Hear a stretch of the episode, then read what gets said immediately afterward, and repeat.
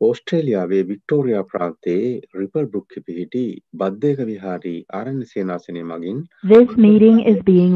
නිරපතා පවත්වාගෙනු ලබන සද්ධර්ම දේශනා මාලාවේ අද මැයි මස විසි හතරවෙනි සඳුදා ධර්මානු ශාසනාව පැත්වීම සඳහා ධර්ම මණ්ඩපය වෙත වැඩම කරවදාරා සිටින්නේ බද්ධයක විහාරී ආරණ්‍ය සේනාසනයේ ප්‍රධාන අනුශාසක පූජ්‍යපාද පෑගොඩපළ විමල ඥාන ගරු ස්වාමීන් වහන්සේ. ගෞරෝණී ස්වාමීන් වහන්සේට පාද නමස්කාර පූර්වකව සාදුකාරයක් දී අපි පිළිගනිමු. සාදු සාදු සාදු. අද මේ මස විසි හතරවෙනි දින ධර්ම දේශනාව සඳහා අනුග්‍රහය දක්වන්නේ දෙදස් විස්ස මැයි මස විසි හත්වන දින පරලෝ සැපත් ඇන්ඩරු ග්‍රේෂන් නන්දන පියාණන් හට පින් අනුමෝදන් කිරීම සඳහා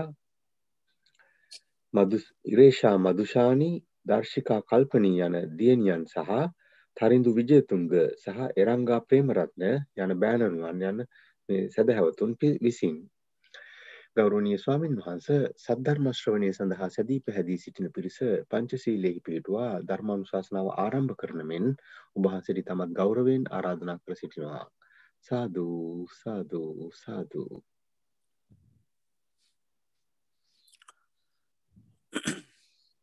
සිරු දෙනාටම තෙරවන් සරණයි.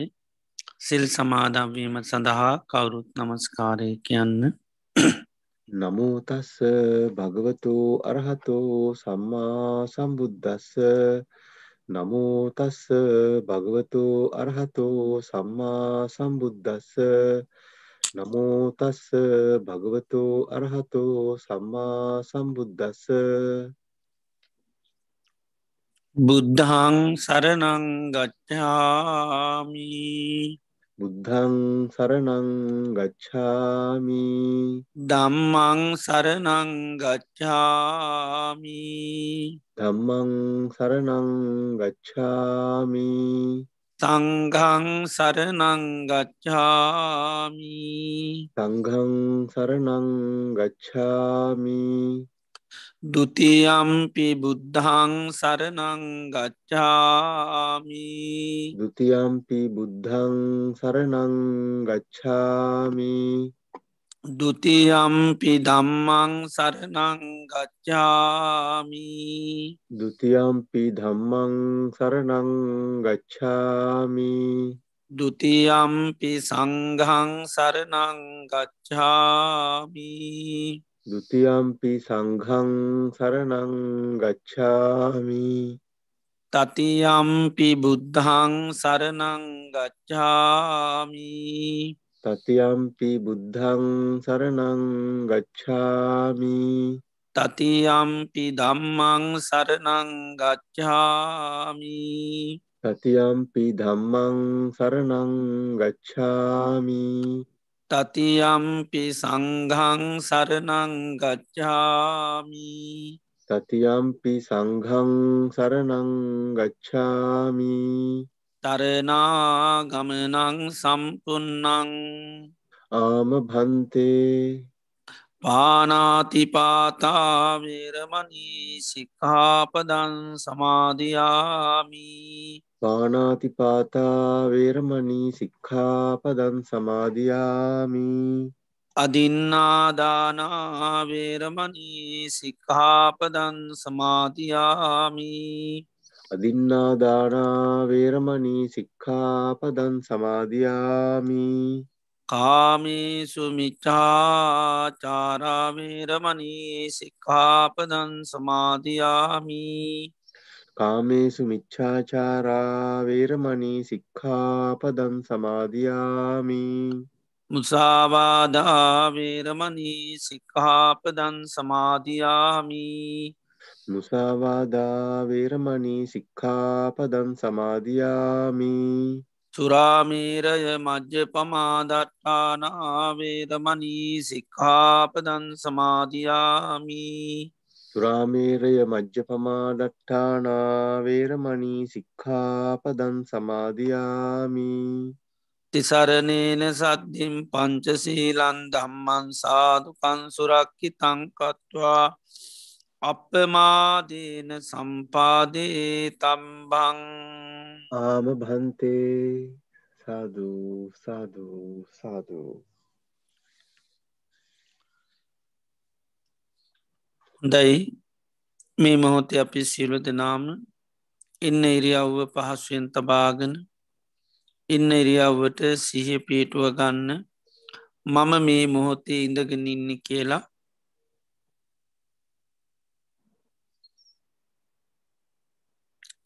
මේ මොහොතේ අපේ සීලු දෙනාම මේ වාඩි වෙලා තැන්පත් වෙලා බලාපොරොත්තුවෙන් recording has stopped. භාග්‍යවත් බුදුරජාණන් වහන්සේගේ උතුන් අවවාදයක් අනුශාසනාවක් සවනය කරන්නටයි භාග්‍යවත් බුදුරජාණන් වහන්සේ දේශනා කළ තියෙනවා මේ ලෝකයේ සම්මා සම්බුදුරජාණන් වහන්සේ නමක් පහළ වෙන්නේ ඉතාමත්ම කලාතුරකින් ඒ වගේම උන්වහන්සේ දේශනා කරන ලද උතුන් ධර්මය මේ මිහි පිට පවතින්නේ ඉතාමත්ම කලාතුරකින් ඒ වගේ මෙම ධර්මය සවනය කරලා තේරුම් අරං ඊට අනුකූලව කටයුතු කරනයි පහළවෙන්නේ තිතාමත්ම කලාතුරකින් මේ ලෝකයේ ඒ දුල්ලභ කාරණ අපේ ජීවිතවලට සම්මක වෙලා තියෙනු. භාග්‍යවත් බුදුරජාණන් වහන්සේ මේ ලෝකයට පහළ වෙලා උන්වහන්සේ දේශනා කරන ලද ධර්මය මේ මිහි පිට පවතින අවදියකදී අපි මනුස්ස ජීවිතයක් ලබල උතුම් කල්්‍යාන මිත්‍ර ඇස තුරින්ගම ධර්මය සවනය කරලා අපි යම් ප්‍රමාණයකට හෝ තේරුම් අරං ඊට අනුකූලව කටයුතු කරන්ට අපිට භාග්‍ය වාසනාව උදා වෙලා තිබෙනවා. අපේ ජීවිතයට මේ ලැබිල තියෙන මේ දුල්ල බවත්තාව මේ උතුම් මොහොත මේ උතුම් ප්‍රතිලහාබය අපිට තව කොතේ කාලයක් පවත්වන්න පුළුවන්ද කියන කාරණය අපි කාටුවත් කියන්නට බැහැ. හේතුව තමයි ජීවිතය කියන්නේ හරිම තාව කාලිකයි. බුදුරජාණන් වහන්සේ උපමා කරන්නේ හරියට තනාගතියන පිණිබිඳක් වගේ. තනාගතියන පිණිබිඳ ඕනම මොහොතක බිමට පතිත වෙන්න පුළුවන්. ඒ කිසි හයියක් හත්තියක් නෑ. අපේ ජීවිතත් එහෙමයි. ඕනම වෙලාවක මේ ජීවිතය මරණයට පත්වෙන්න පුළන් කිසිම හයියක් හත්තියක් නැහැ. ඒවගේම ජීවිතය හරියට කඳුමුදුනින් ගලන ගංගාවක් වගේ. කඳුමුදුනින් ගලන ගංගාව හැම මොහොතේම පහලට ගලනු. ගංගාව කිසි මොහොතක් නතර වෙන්නේ නෑ. අපේ ජීවිතත් එහෙමයි. උපන් දවසේන්ද්‍ර මේ ජීවිතය වේගේ මරණය කරා ගලාගෙන යනවා. කිසිම දවසක් මොහොතක්ේ නතර වෙන්නේ නැහැ. එවගේම මේ ජීවිතය කියන්නේ හරියට This meeting is being recorded.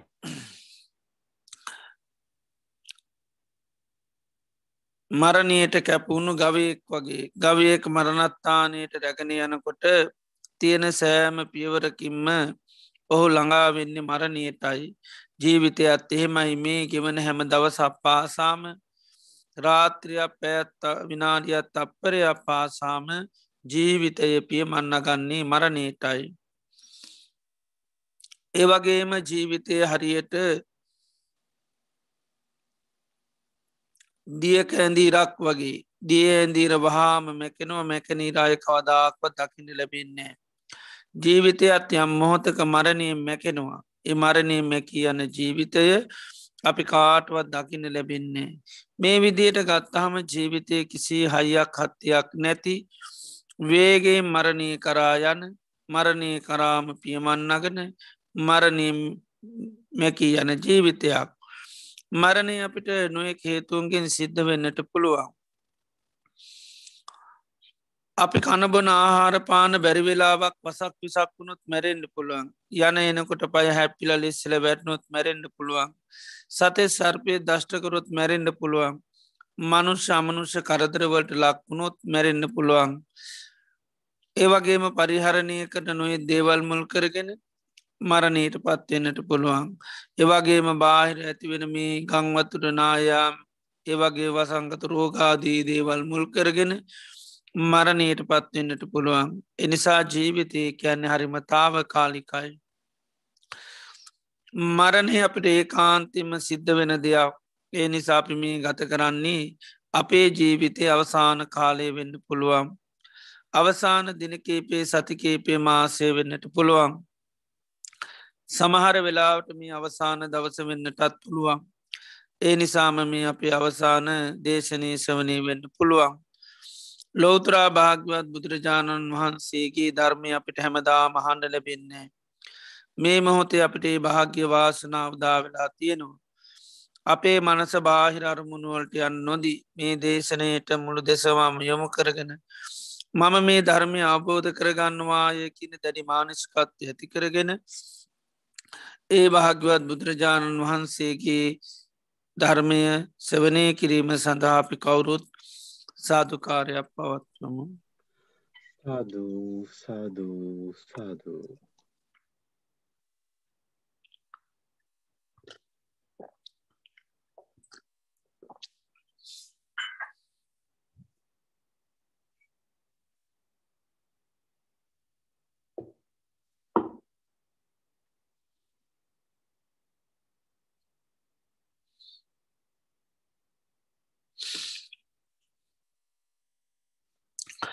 නමෝතස්ස භගවතු වරහතු සම්මා සම්බුද්දස්ස. නමෝතස්ස භගවතු වරහතු සම්මා සම්බුද්දස්ස. නමෝතස්ස භගවතු වරහතු සම්මා සම්බුද්දස්ස.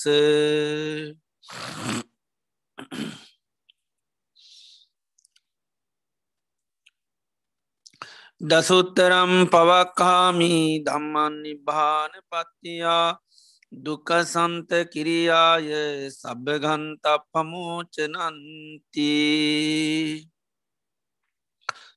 ශ්‍රද්ධාවන්ත කානුක පින්නතුනි භාග්‍යවත් තරා සම්මා සම්බුදුරජාණන් වහන්සේ අපේ ජීවිත ස්වපත් කරන්ට දේශනා කරපු ඒ උතුම් වටිනා ධර්මය සවනය කරන්ටයි අපි බලාපොරොත්තු වෙන්නේ.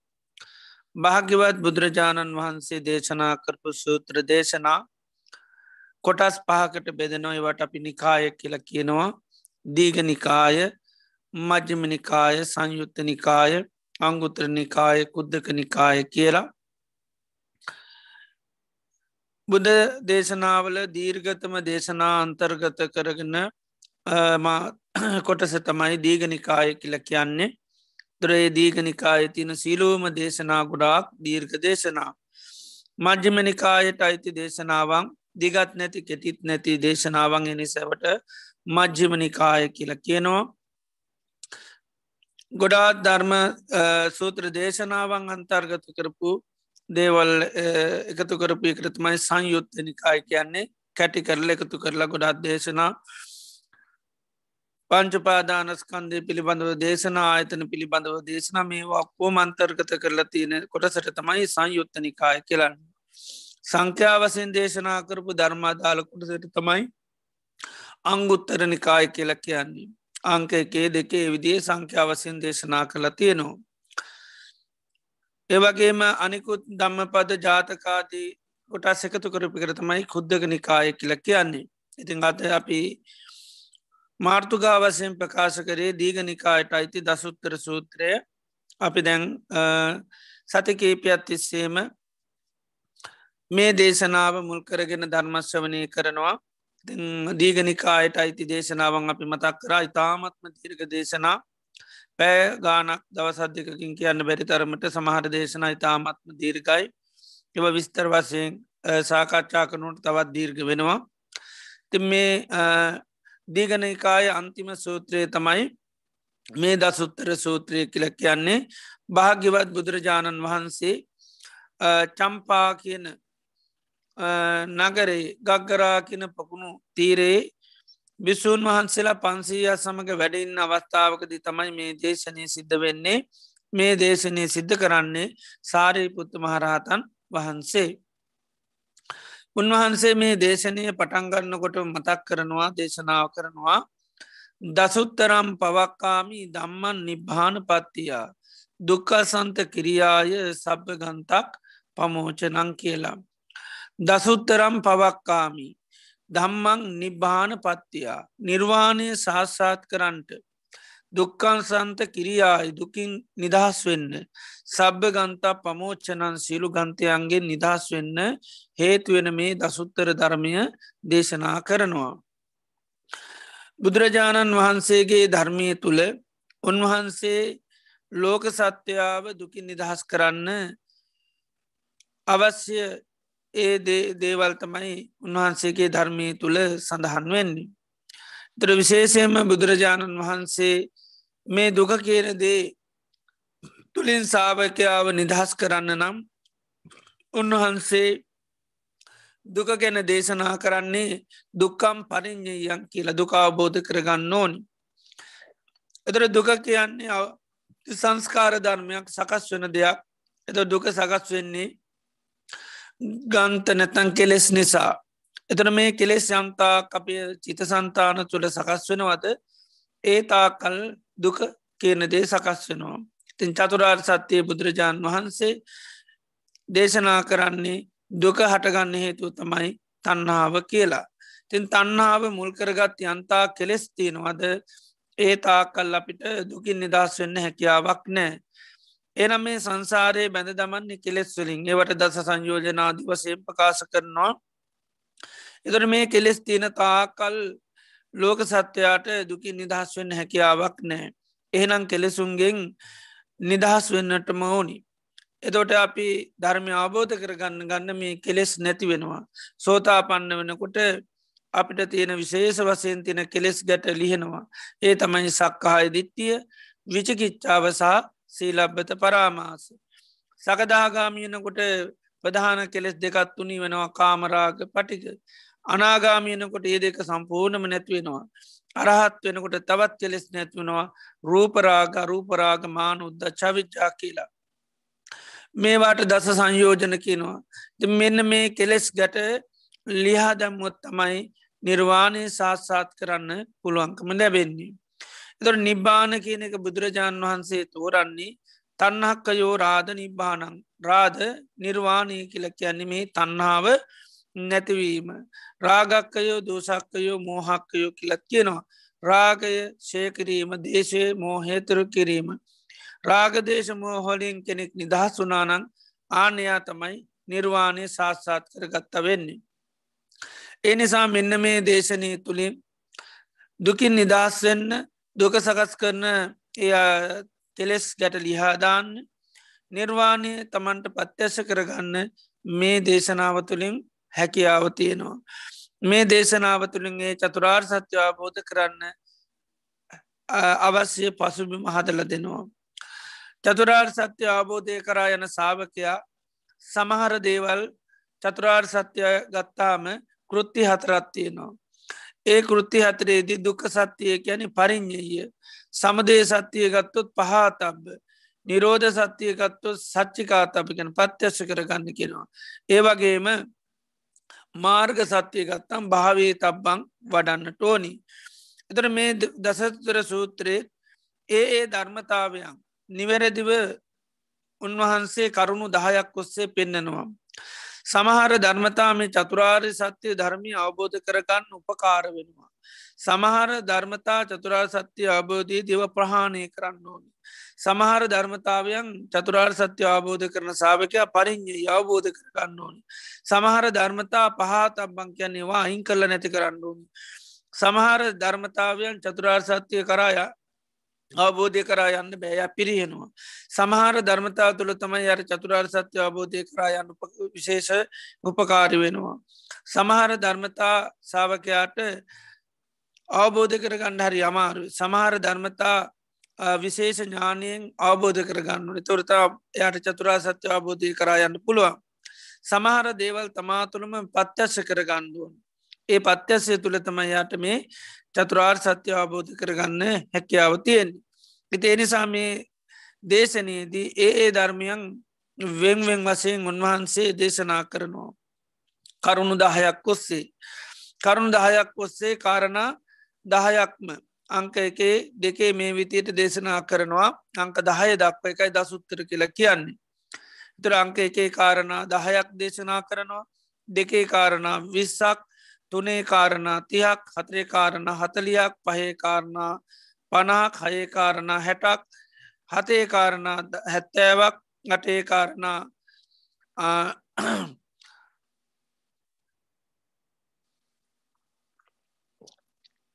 අසුවක් නවේකාරණ අනුවක් සහ දහයකාරණා සීයක්. ඔක්කෝම එකතුනාම පන්සිය පනහක් එතොට ධර්මකාරණා පන්සිය පනහත් දේශනා කරනවා.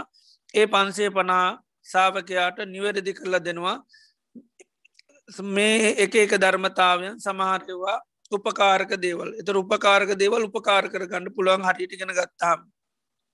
සමහර දේවල් දියුණු කරන්න නිතරේ දියුණු කර යුදයා දැනගත්තමයට දිගරම එක දියුණු කරන්න තිය ඒවගෙන් සමහර දේවල් ප්‍රහාණය කරන්න තිනිතේ එයා පටන් ගැන්ම ඉඳලා එයා ඒව ප්‍රහාණය කරන්න මාන්ස ගණ්ඩුවන් සමාරයව දියුණු කරන්න ඕන්. සමාරයවා විශේෂ ඥානයෙන් අවබෝධ කරගන්න ඉතින් එතොට ඒවා නිවැරදිව දැනගත්තාම එයාට පුළුවන්කම ලැබෙනවා මේ මාර්ගය පිරිසිදුව දියුණු කරන්න. නැත්තම් සමල්ලාට ප්‍රහාණය කළ යුතු දේවල් ප්‍රහාණය නොකරොත් එහෙම එයාට මේ ධර්මය අවබෝධ කරා යන්න විශේසින්දුකින් නිදහස්වෙන්න හැකියාවක් නෑ දේනිසා මේ දේශන ඉතාම් වැදගත් වෙනවා. මේක කරුණු දහයක් වස උන්වහන්සේ දේශනා කරනති අපි පහුගේ දවස්සල ඒ කරුණු එක කාරණා දහයක් ඉගෙන ගත්තා දෙකේ කාරණා දහයක් ඉගෙන ගත්තා තුනේ කාරණත් තියක් ඉගෙන ගත්තා. ඒකෙන් තව තුනක් අපි විස්තර වසයෙන් සවනය කරන්න තියෙනවා. එදට උන්වහන්සේ එකේ කාරණා වසයෙන් දේශනා කරනවා. එක ධර්මතාවයක් තියෙන උපකාරයතම අප්‍රමාදය කියන එක. එක ධර්මතාවයක් තියෙන එක වඩන්න ඕන. එක තමයි කායගතා සතිය. කය පිළිබඳව අවබෝධ කරගන්න ඕන්. එක ධර්මතාව ඇතින එක අවබෝධ කරන ඒ තමයි ස්පර්ශය කියන එක. ඒවගේ එක ධර්මතාව ඇතින එක ප්‍රහාණය කරේ අස්මිමාන්නේ. එක ධර්මතාව ඇතින එක පිරිහීම පිණිසේන ඒ තමයි අයෝනිසෝ මනසිකාරය එක ධර්මයක් විශේෂ භාග වන තම යෝනිසෝ මනසිකාරය එක ධර්මයක් අවබෝධ කරගන්න හරි අමාරු ඒ තමයි ආනන්තරික සමාධිය එක ධර්මතාවයක් උපදවාගන්න ඒ තමයි අකුප්පා ඥානය කියන එක එක ධර්මතාවයක් විශේෂඥානයෙන් අවබෝධ කරගන්නුවේ තමයි සිලූම සත්තු ආහාර නිසා යපෙනවා කෙනෙක්. එක ධර්මතාවයක් සාස්සාත් කරගණ්ඩුනේ අකුප්පාචේතු මුත්තිය. එතොට එතන කරනු දහයක් දේශනා කරනවා. ඒ දහයම භාගිතුන් වහන්සේ අවබෝධ කරගත්ත කාටවත් වෙනස් කරන්න බැරි කරුණු දහයක් හැටිට දේශනා කරනවා. එවගේම ධර්ම දෙකේ කාරණා දහයක් දේශනා කරනවා.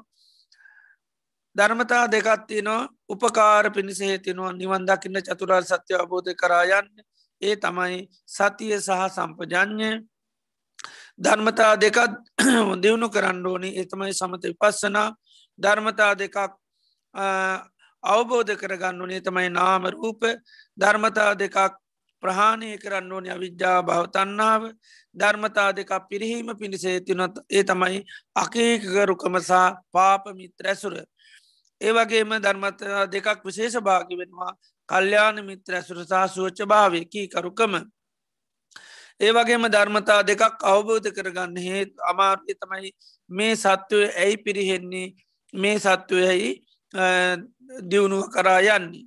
තොර සත්වය පිරිහෙන්නේ කෙලෙස් තියෙන නිසා සත්‍යව දියුණුවන් සත්වයා කෙලෙසුන්ගෙන් නිදස්වෙන ටෝනි ඒවගේම ඥාන දෙකත්තින උපදවා කණ්ඩෝනි කයේ ඥානී සහනුපාදය ඥානී. ධර්මතා දෙකත් තියෙනවා. අවබෝධ මේ විශේෂඥානයෙන් අවබෝධ කරගන්න ඕනී තමයි සංකත ධාතුසා අසංකත ධාතු සකස් වෙච්චි ස්වභාවිසා සකස් නොවනු ස්වභාවය කියනින්. ඒවගේම ධර්මතා දෙකක් පත්‍යශ්‍ය කරගන්න ඕනි තමා තුළ විද්‍යාව සහ විමුත්තිය කෙනෙක තර මෙතන ධර්මතා විස්සක් මේ විස්සක් සත්‍ය වූ විද්‍යමාන වෙනස් කරන්න බැරි බුදු කෙනෙ සම්භාගතුන් වහන්සේ මනාකොට අවබෝධ කරගත්ත කරුණු දායක් ති මේ දහයත් නිර්වාණය සාත්සාත් කරගන්න සියලු කෙලෙස් ගැට ලියන්න දුකින් නිදහස් වෙන්න උපකාරක ධර්ම.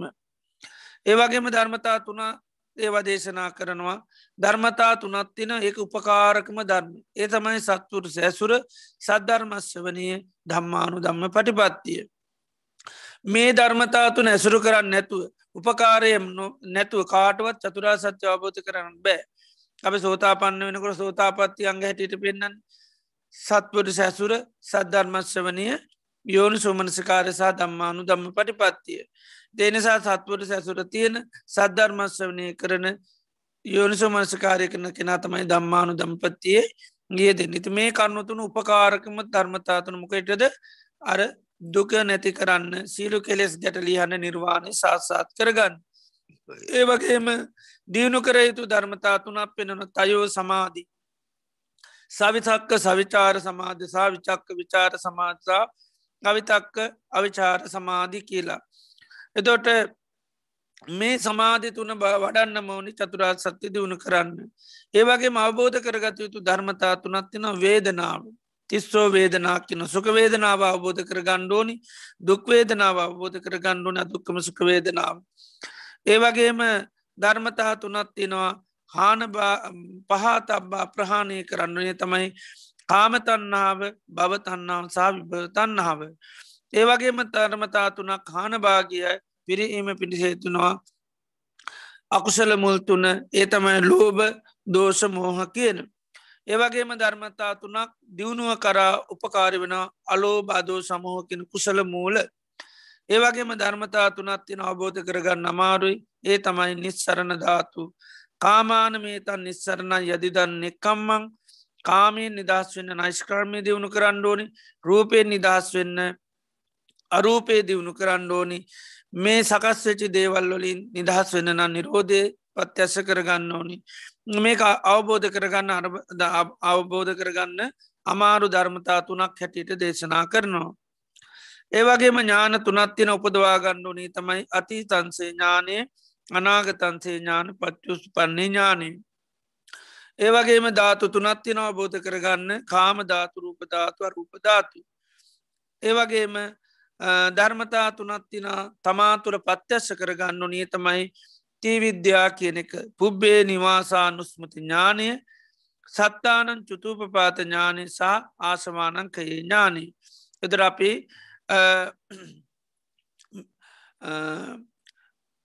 පහුගේ දේශනාවලදී මුල් කියපු කරුණු අපි විස්තර වසයෙන් සවනය කරන්ට හැකියාව ලැබනා එදොට බුදුරජාණන් වහන්සේගේ ධර්මය තුළ සාාවකයා පත්‍යස්ස කරගත යුතු කරුණු තුනත් තියෙනවා. ඒවටකින තිවිද්‍යා කියලා. ත්‍රීවිද්‍යාව සාස්සාත් කරගන්න නැතුව බුදුරජාණන් වහන්සේගේ ධර්මය අවබෝධ කරගන්න බෑ. එනිසා දුකි නිදහස්සෙන නිර්වාණය සාස්සාත් කරගන්න සියලු කෙලෙස් ගැට ලිහා ගන්න නම් මේ ඥානතුන නැතම් විද්‍යාතුන දියුණු කරන්න ඕනේකටකිෙනවා තිවිද්‍යා කියලා විද්‍යාතුනත් තියෙනවා පුබ්බේ නිවාසාන සුමති ඥාන විද්‍යාවසා සත්තානන් චුතුපපාත ඥාන විද්‍යාවසා ආශවානංකයේ ඥාන විද්‍යාව. ඒක සෑම රහතන් වහන්සේ නමක්ම රහත් වෙනකුට මේ තිවිද්‍යාවන් ඇති අවබෝධ කරගන්නවා. බුදුරජාණන් වහන්සේත් බුද සම්මා සම්බුද්ධත්වයට පත්වනට තිවිද්‍යාවන් ලබනවා. අපි කියන්නේ ග්‍රාත්‍රී පතමයාමේදී පුබ්බේ නිවාසානුස්මති ඥානය ලබනවා. මජ්්‍යමයාමේදී චුතුූපපාත ඥානය ලබනවා. අවසාන කාලය උන්වහන්සේ ආස්වක්ෂය ඥානය ලබනවා. එකට මේකට කියැනෙ ත්‍රිවිද්‍යා කියලා විද්‍යා තුනක් නැතන් ඥාන තුනක්. පුබ්බේ නිවාසාන උස්මති ඥානය කියලා කියන්නේ පුබ්බේ කියන්නේ පෙර නිවාස කියන්නේ වාසත්තාන අනුස්මති කියන්නේ සිහි කරන්න පුළුවන්. කෙනෙකුට සමාධිය දියුණු කරපුවාම විශේෂෙන් සතර ධ්‍යානය දක්වා සමාධිය දියුණු කරාම ඒ සතරවෙනි ධ්‍යානයෙන් පස්සේ යාට පුළුවන් ඒ හතරවෙනි ධ්‍යානයට පත්වෙනකොට සිහිය කෙනෙක ගොඩාක් බලා බල සම්පන්න වෙනවා. උපේක්කා සතිපාට සුද්ධින් කියල කියන්නේ සතරවෙනි දිහාාවට උපේක්ෂා සාගත සතිපාර සුද්ධික ඉතාමත්ම පිරිදුතු සීයක් යාට දියුණු වෙනවා. ඒ සිහිය තුළ එයාට මේ පෙර ජීවිත සිහි කරන්න පුළන් තරමට සිහිය දියුණු වෙන. මේ ජීවිතය අපිට ආපස්සට සිහි කරන්න සමාරුන්ට මතකේ තියෙන වගේ ඒ පුබේනුසා නිවාසානස්මති ඥානය කරා හිත යොම කරන කෙනට පුළුවන් අට සීහ වැඩුනට පස්සේ මේ සීහ ඔස්සයාට පෙර ඔක්කෝම ජීවිත සහි කරන්න පුළුවන්. සමාරයට ජාති දෙකත් තුනක් කල්ප ගනන් ය ඇතට තමන්ගේ පෙර ජීවිත සහි කරන්න පුළුවන්. එතර පෙර ජීවිත වලදී තමන්ට උපදිච්චි තැන් ඒ නම් ගොත් ඒවගේ මැසුරු කරපු අය කාපපි ඕන දෙයක් සී කරන්න හැකියාව තියෙනවා මේ පුබ්බේ නිවාසානුස්මති ඥානය ලැබවාම. දැ බුදුරජාන් වහන්සේටත් මේ පුබ්බේශ නිවාසානුස්මති ඥානී තින එකන අපි බුදුරජාන් වහන්සේගේ බුදුගුණ ඇත්ති නමකක්ද විද්‍යා චරණ සම්පන්න කියලා එතර විද්‍යා කියල කියන්නේ මේ තී විද්‍යා බුදුරජාන් වහන්සේටත් තියෙන එතර තී විද්‍යාවෙන් මේ පුබ්බේ නිවාසානුස්මති ඥානය ඇසුරු කරගෙන තමයි ඥානය තුළින් තමයි බුදුරජාණන් වහන්සේ මේ සංසාරය පැන ගොඩාක් දේශනා කරන්න. සංසාරය තින ස්වභාවය දේශනා කරන්න. අපි සංසාරය කොච්චරකල් ලැවිල්ලති නොද ඔක්කෝම දේශනා කරන්නේ මේ පුබ්බේ නිවාසා නුස්මති ඥානය. උන්හන්සට කල්ප ගණන් එකවර සහි කරන්න පුළ ඒ තරන් සියක් බුදු කෙනෙකුට තියෙනවා. තර උන්වහන්සේට සත්වයකු ජීවිත සහි කරන්න පුළන් හැබැයි උන්වහන්සේ එච්චර වේගවත සීකරත් තැබැයි සත්වයකුගේ කෙරවරක් හොයාගන්න බැහැ. ඒ නිසා තමයි උන්වහන්සේ සංසාරය ගැන කතා කරන්නකට උන්වහන්සේ කියනවා අනම තක්ගෝ අයම් භික්කවේ සංසාරු මහනන මේ සංසාරය කෙරවරක් හොයාගන්න බෑ පුබ්බා කෝටින පඤ්ඥායිති කැන එක පකට වෙන්න මොකද බලන්න යොත්තෙන් වෙන වැඩ කරන්න හම්බියන්න වෙන දේශනා කරන්න හම්බියන්න එක්කෙනකුේ ජීවිත බල බල ඉන්නකොටම සමල්ලාට වෙන මුකුත් කරන්න හම්බියන්නේ තරම් කෙරවරන්න නැතුව නැති බවත් තියනු. ඉති නිසා තමයි උන්වහන්සේ ඒ පිළිබඳුව එකයි දේශනා කරන්නේ. මහනන මේ ජීවිත පැවැත්මී කෙරවරක් හොයාගන්න බැහැකයි පඥ්ඥන්න පඥ්ඥා ඇති කැන පකට වෙන්න. මකද ඒත් බලන්නගයොත් වෙන වැඩ කරන්න හම්බියන්න නෑ එක්කෙනෙකුව බැලූ තනිත් එකනගෙත් බලන්ඩ පේ තොට මේක ඉවරයක් නැති වැඩක්. එනි සම්හන්සේකට දේශනා කරනවා මේ සංසාරගත සත්වයාගේ පටන්ගත්ත තැනක් කෙරවඩක් හොයාකන්න බෑ. හැබැයි මේ සංසාරයේ සත්වයා යන හේතු උන්වහන්සේ හොයාගන්න මකදද? අවිද්‍යාව සහ තන්නාව ඒකයි උන්වහන්සේ දේශනා කන්නේ අවිද්‍යා නීවරණානන් සත්තානන් තන්නා සංයෝජනානම් නමුත් උන්වහන්සේට මේ දීර්ගතමත් එක්ක උන්වහන්සට පේනොම සංසාරයේ දීර්ඝ භාවය උන්වහන්සට දේශනා කරනවා ඒකයි උපමාවසයෙන් උන්වහන්ස දේශනා කරන්නේ අපි අම්ම කෙනෙක් නිසා අම්මල නිසා හඬුව කඳුරු සතර මහා සාගරයේ ජලයට වැඩිය අඩලතිනවා. තාත්තා කෙනෙක් නිසා හඬපු කඳුරු සතර මහා සාගරය ජලයට. මව් පරම්පරාව පිය පරම්පරාව හොයාගෙන ගියොත් මහපොලේ පස් ගුලි කරනවා නෙල්ලි තරන් ඒ නෙල්ලිගෙඩි තරම් පස් ගුලි කරලා තියාගෙනකොත් මේ මගේ තාත මේ තාත්තක තාත්ත කියලත් පිය පරම්පරාව හොයන්නම් වෙන්න කියනවා. ඊළඟට තියෙන කෝටු කෑලි ආදී දේවල් කරල ඔක්කොම එකතු කල අංගලෙන් අවලට කරලා තියන මේ තාත්තා මේ අම්ම මේ අම්මගේ අම්ම කියලා. ඒම තියාගත්තත් මව් පරම්පරාව හොයාගන්න බෑකින සංසාර ඒ තරම්ම දීර්ගයි. එතර මේවා ඔක්කෝම දේශනා කරන්න බුදුරජන් වහන්සේ මොනඥානය පිටලද මේ ඕ ඒකට ගැන්නේ පුබ්බේ නිවාසා නුස්මති ඥානයේ ඒ ඥානයට තමයි උන්වහන්සේට මේ ස්වභාවයන් පේෙන් ඒකයි සංසාරය භයානක්කම කියන්නේ. උන්වන්ස කියෙන කටස්සි වද්ධිතා කියෙන අපි මොකද කරල තින සංසාරය සොහොන් වඩලා තියන්නේ.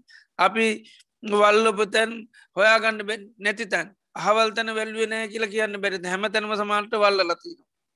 එතර සංසාරය අපි කල්ලතිය හැමතැනම සොහොන් නැති කරන එක. ඉති ඒ තරමට උපදිලතියනවා.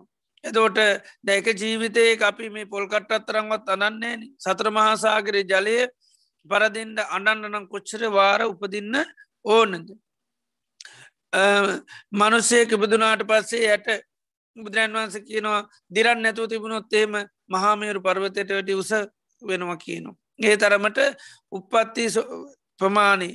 එතර ඒවා ඔක්කෝම් බුදුරජාණන් වහන්සේ දේශනා කරන්නේ මේ පුබ්බේ නිවාසා නොස්මති ඥානී. එතොට ජාතක කතා ඔය ගොඩාක්ව දේශනා කරන්න කෝම පුබ්බේ නිවාසානස්ම අතීත බුදුරජාන් වහන්සේලා ගැන්න දේශනා කරනවා.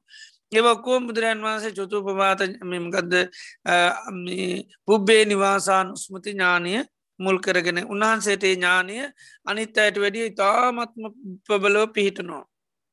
නමුත් රහත්වෙන සාාවක හැමෝටමත් පුබ්බේ නිවාසානුස්මති ඥානය කැන පෙර ජීවිත සී කරන්න පුළන් ටය සීය දියුණු කරගන්න හැකියාව තියෙනවා. ඒ වගේම තවත් ඥානයත් තමයි මේ චුතූප පාත ඥානය කියන්න. සත්‍යයන් මැරෙන උපදින ඒ සත්‍ය මෙල්ල ගිල් උපදින තැම් බලන්න පුළන් විදිහට ඥානයක් ඇතික කරෙන චුතූප පාත ඥානය ඒක බුදුරජාණන් වහන්සේටත් තියෙන ඥානයක් ඒ ඥානී තුළින් තමයි බුදුරන් වන්සේ නිරය ගැන දේශනා කරන්න. තිරිසන් ලෝක ගැන දේශනා කරන්න පියත ලෝක ගැන දේශනා කරන්න මනුස්ස ලෝක ගැන දිවි ලෝක ගැන මේ වගේ අවශ්‍ය දේශනා කරන මනුෂයන්ගේ ඒ කාලවල ආවිශ්‍ය ඒ අඩුවෙන වැඩිවෙන ඒව දේශනා කරනවා. ඒ වගේම දෙවියන්ගේ අවශ්‍ය දේශනා කරන දිව ලෝකල අවශ්‍ය දේශනා කරනවා නිරේ අවශ්‍ය දේශනා කරනවා. එතට බුදුරජාණන් වහන්සේට උපමාවක් කටින් උන්වහන්ස පෙන්නෙනවා. ගෙවල් දෙකක් මැද මනුෂ්‍යය කිටියොත් ඒ මනුසයට මේ ගෙවල් දෙක අතර මිනිස්සු යනයන හොඳට පේෙන් ඇස් පේන මනුසේ ගෙවල් දෙකක් අතර තුර හිටියොත් එයා බලානිටියොත්තේ මේගේ මේකට ඒට මෙහිට යන කෝම හොඳට බලාගෙන ඉන්න පුළා ආන්නේ වගේ බුදුරජාන් වහන්සේටත් මේ තුතුූපපාත ඥානයට පේනවා සමහරය ජීවත්වෙන රටාව. එතුරේ ජීවත්වන රටාව දිහා බලන්නකට උන්වහන්සේ දකිනවා මෙයා අනිවාර්යම මේ විදියට ජීවත් වුණු මේ දේවල් කරොත් මේ දේවල් අනුව කටයුතු කරොත් අනිවාර්යම මෙයා ගිහිල්ලප දින්නේ නිරේ ඒක හරියට උපමා කරනවා. කන්දක්කුට ඉන්න මනුසකුට ඇත පේනවා ගිනි වංගුරුවල ගිනි ගිනි ජාලාවක් වෙනවා. එදොට එයා කන්ද ඉන්න ඉන්නකට පේන මනුස්සේ කැනවා මේ ගිනි ජාලාව තියෙන පාරේ. එදරේ මනුසය දන්න මෙයා මේ පාරගියොත් මේක වෙනස් නොකරොත්න අනිවාර මේ ගිනි ජාලාවට වැටෙනවා. එතොට පසු කාලිනෝ පේනවා ගිනි ජාලාට වෙල පිච්චෙනවා. ආනේ වගේ තමයි බුදුරජාන් වහන්සේටත් සමාරය ජීවත්වන රටාව දැක උන්හන්සේ දක්න මේ විදිට කටය කරන්න නිරේ තමයි ගිල්ලා උපදින්නේ. ඉතින් උන්වහන්සට ඒක පේන උන්වහන්සේ පසුව දකිනවා ඒ පුද්ජල නිරේගිල් අප්‍රමාණ දුක් පිඳෙනවා. සමහරය කරන ක්‍යාකාරකං අනුව කියන මෙයා මේ විදිටම කටයුතු කර ගිල්ල උපදින්න තිරිසං ලෝකේ. ඒක උන්වහන්සේ දේශනා කරනවා මනුසයකුට පේනවා ඈත තියෙනවා අසූචි වලක්. එදෝට මනුසේකේ පාරම යනවා තොට මෙයාකට මේ පාරමයා මේ විදිර ගියොත්ම අනිවාරමය අසූචිවලට තමයි වැටෙන්. ඒවගේ බුදුරන් වහන්සේ සමහරය ගැනකිනවා මෙයා මේ විදියට කටයුතු කරොන්දන් ඊළඟ ජීවිතය කියල්ල අපදින්න කොහෙද. තිරිසන් ලෝක උපදින්නවා. තිරිසන් ලෝකප දැන් තිරිසන් සත්තුන්ට කණ්ඩ ජාති තියෙනවා කනව බොනුව හැබැයිති එක මහා විසා මරණ බියෙන් ජීවත්වෙන දුක් විඳින තම. කැබයිති අර අසූචි වලේ වගේ අසූචි වලට වැටනු කණ්ඩ තියනවා නේද? ඒ වගේ පෙන්නන්නේ තිරිසන් ලෝකී. ඒවගේම බුදුරජාන් වහන්සේ දේශනා කන සමහරය කරන කටයුතු අනු සමාරයාරයන්ට පවාද කරනවා. ආර්ය ධර්මයට ගර්මයා කරන සිතින් කයි වචන ගොඩා කකුසල් කරනවා. ඉති මේ වගේ දේවල් කරන නිසා උන්වහන්ස පෙන මෙයා මරණින් මත්ති ගිල්ලපතින්නේ ප්‍රේතියන් අතර ප්‍රේත ලෝකී. ඉතිං ඒක බුදුරජාන් වහන්සේ උපමාවක් ඇටට පෙනුව මනුසෙක් දකිනවා ඈත තියෙනවා කාන්තාරයක්. මේ කාන්තාර ඉපල් ගහක් තියෙනවා. කෙනෙක් මේ කාන්තාරයට වැඩිචි මේ මාර්ගය යනවා. ඉතින් එයා දකිනවා මේ මනුසය මේ මාර්ගය වෙනස් කරන්න ඇතු දිගෝටම ගියොත් ගිල්ලපදින්න යන්න කොහෙද? අර කාන්තාරය මැද ඉපල් ගහලඟට කාන්තාරයක් ළඟ තිය නිපල් ගහෙමු මොකුත් සෙවනක් නෑ. අනිවාරයෙන් දුක්විනින්න ඕනි.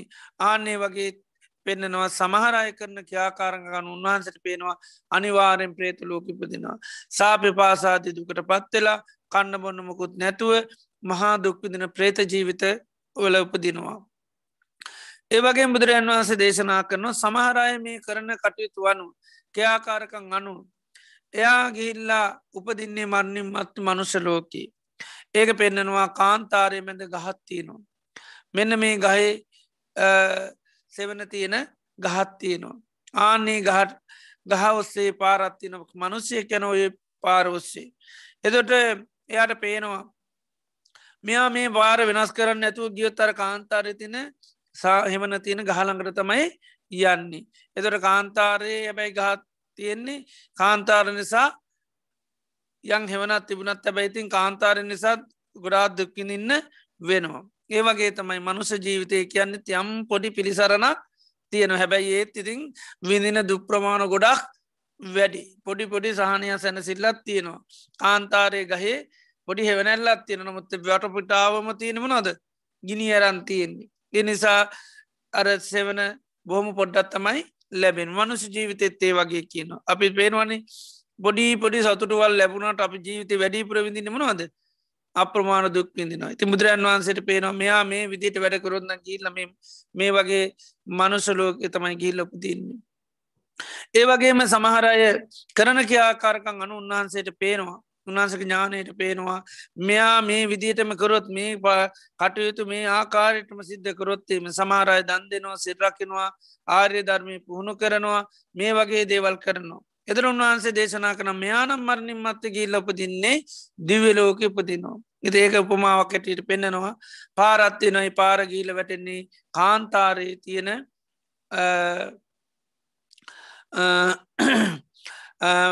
හොඳ මාලිගාවත්තිනවා ඒ මාලිගාවට තමයි ගිහිල්ලා වැටෙන්නේ. ඉතන් පිපාසිත පුද්ජලයෙක් ඒ මාර්ගවස්ස යනවා එයාට ඒ මාර්ගවස්ස යනකොට අර පාසාධය අව්වෙන ඉතියා ඒ පාසාතිට ගිලයන් සහනයක් ලැබෙනවා. නමුත් විපාසිතව කාන්තාරයේ ගිය කෙනෙක් නිසා ටික කාලයක් යට සහනය සැනසිල්ලක් එතන ලැබෙනවා. ඒ වගේ පෙන්න්නනවා දිවි ලෝක කියන්නේ. යම් මනුෂ්‍යයට සහනය සැනසිල්ලක් ඒ තුළ ඉදන්නේ තියෙනවා. ඉතින් මේ විදියට බුදුරජාණන් වහන්සේට පුළුවන් ලෝක සත්‍යාවගේ ඒ ඒ තැන ගැන දේශනා කරන්න. ඒවගේම දේශනා කරනවා. තවත් පුද්ජලයකින් නොයා කරන කියාකාරකං අනුව උන්වහන්සේ දක්නවා මෙයා මේ විදියට කල් වැඩකරොත් මේ විදිට දේවල් කරොත් නම් මෙයා මේ ජීතේ මාස්වශ්‍යය කරනවා. කෙලෙස් නැති කල්ලා නිර්වාණය සාස්සාත් කරගන්න. ඒක උපමාවට ඇටිට දේශනා කරනවා. කාන්තාර මාර්ගයක් ඔස්සේ වැඩල තියෙනවා. සිසිල් පැම් වතුර තියෙන උල් හොඳ වනල හැබත් තියෙන කැලේයක් මැද පොකුණත් තියෙන තැනක්. ඉතින් මේ පුද්ජලයෙක් පිපාසිතු යනකොට මෙයාට මේ පිපාසිත කෙනාට හොඳ පොකුණක් හම්බියනවා නාන්ඩ ලැබෙනවා හොඳ හෙවනක් ලැබෙනවා එයා හොඳට වතුර බීල පිපාසය නිවාගෙන අර හෙවනි ඉන්න ඒ වගේ තමයි අරිහත්වයට පත්වනු කෙනා බුදුරජාන් වද එයා තමයි තමන්ගමි කේමි ආසාාව නැමති නැත අපි කෙලෙස් නැමැති පිපාසය නිවාගත්ත අය. අනිත් අය කොහේ ගියත් ඒ කෙලෙස් නැමති පිපාස නිවාගන්න පුළුවන්කමක් නෑ ගොද කාන්තාරයේ මාලිගාව කාන්තාරය තිබත් ඒත් වතුරනෑන නේද? ඒ වගේ සංසාරය කොහේ ගියත්ම අපි ආසාවල් කාටුවත් නිවාගන්න බෑ. මනුස්සෙක් වෙලා ඉපදුනත් දෙවියෙක් වෙලා ඉපදුනත් ආසාාව නැමති ගින්න නැතම් පිපාසය කවදාකවත් නිවෙන්නේ නෑ ඉතින් නිවාගන්න නං ආසාාව නැති කරන්නම ඕන. ඉතින් බුදුරජාන් වන්ස මේ විදිර චුතුපවාත ඥානය තුළින් තමයිහිම දේශනා කරන්නේ. මේ චුතූපපාත ඥානයත් සාාවකය අවබෝධ කරගන්න ඕන. ඊළඟට ආසවක්ෂය ඥානී ඒකත් බුදු කෙනෙකුටත් තියෙනවා. ආසවක්ෂය කැන සියලු ආසවයන් නැතුනාම නැතුවෙච්චි බව පිළිබඳව අවබෝධයක් ඇතිවෙනවා. ඒකට කෙනවා ආසවක්කයේ ඥානය. ආශයක් සේවුනා කියලා අවබෝධන එක ඇර කීනස්මින් කීනමිති කියල කැනෙ කෙලෙස් නැතිවුනාම කෙලෙස් නැතිවුනා කියලා අවබෝධයක් ඇත්වෙනවා. එතොට ඒ ඥානය ඇතුනාම තමයි ඒකට අපි අකුප්පාචේතු ඉමති නොයෙක් නංවලින් හඳුන්වනවා.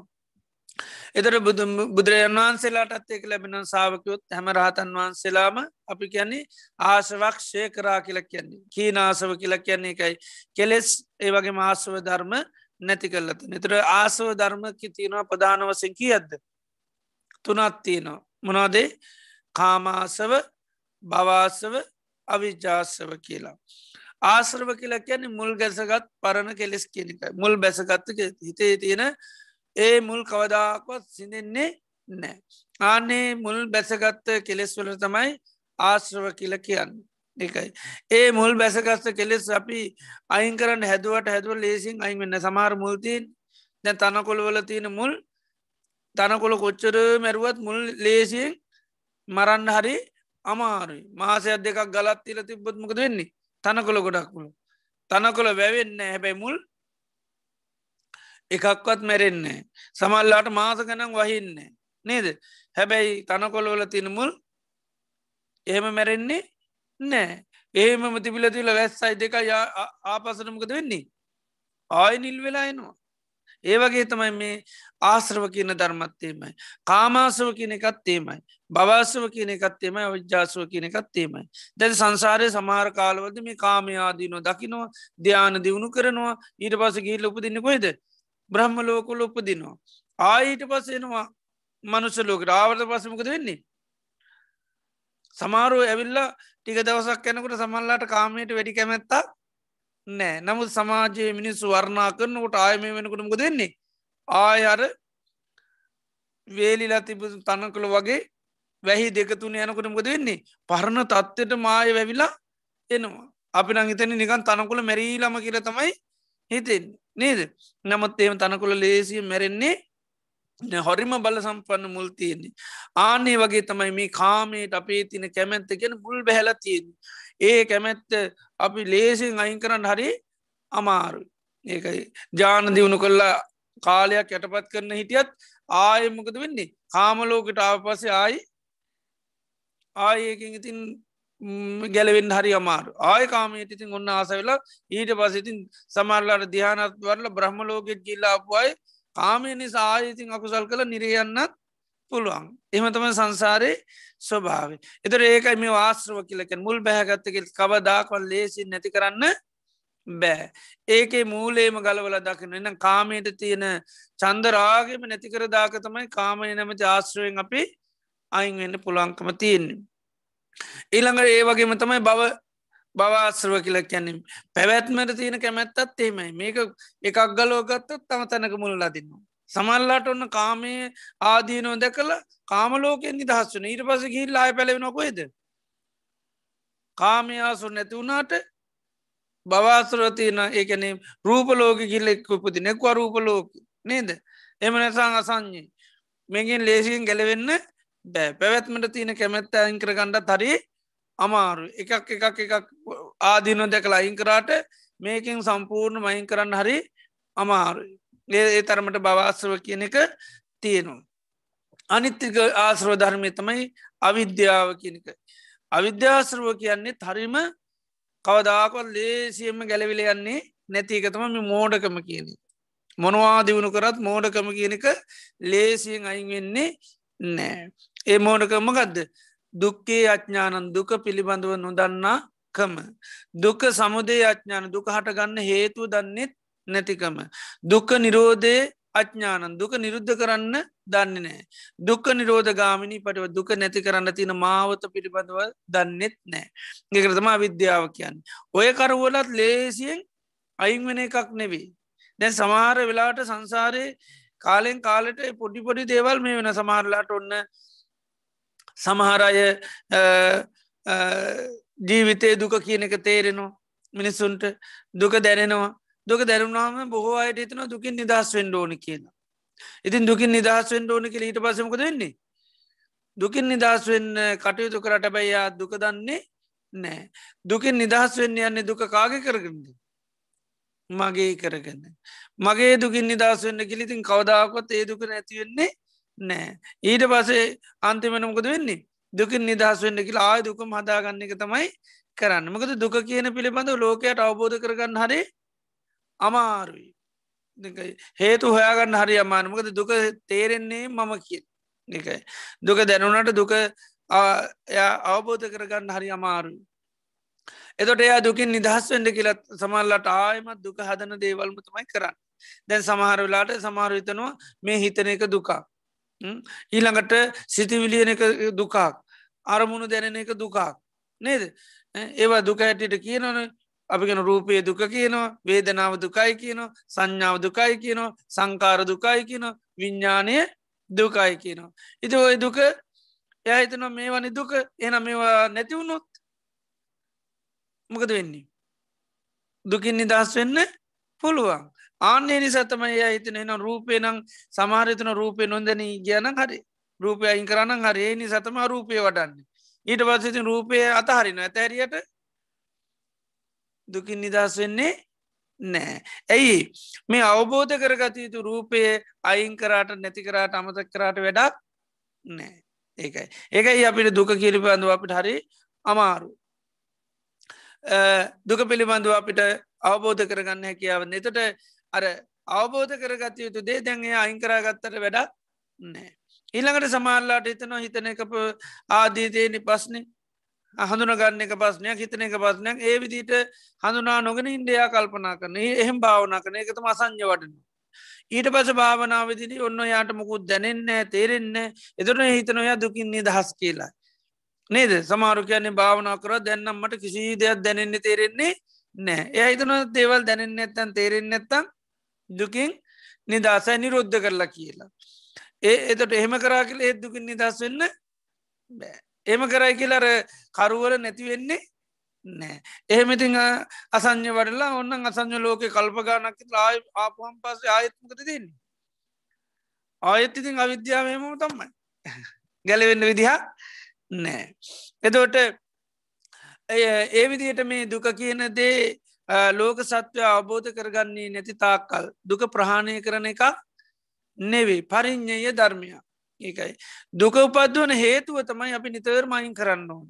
ඉති ඒ පිළිබඳව සාාවකය ඥානයක් ඇති කරගන්න ඕන්.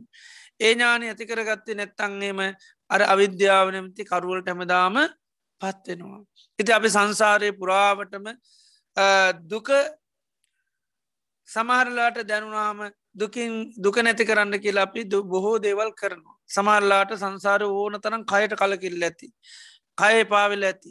ජීවිතයේ කයට අපි ගොඩාක් හිතන්නනේ මට මේ ජීවිත එපා වෙලාති නතොට මොකක් ගැන්දේ කියන්න ගොඩක් දැම් මේ ජීවත්වෙලත් මේ පවත්වන කය ගැන්න අපි කියන්න මේට වැඩි හොඳයි මැරල කියන්න නේද ඊට පස විතුන් සංසාරයේ දිවිනසාගත්ත වාර සංඛ්‍යාවසයෙන් සමට කියන්න බැරි ඇති. ඒ තරම් මේක පාවෙලා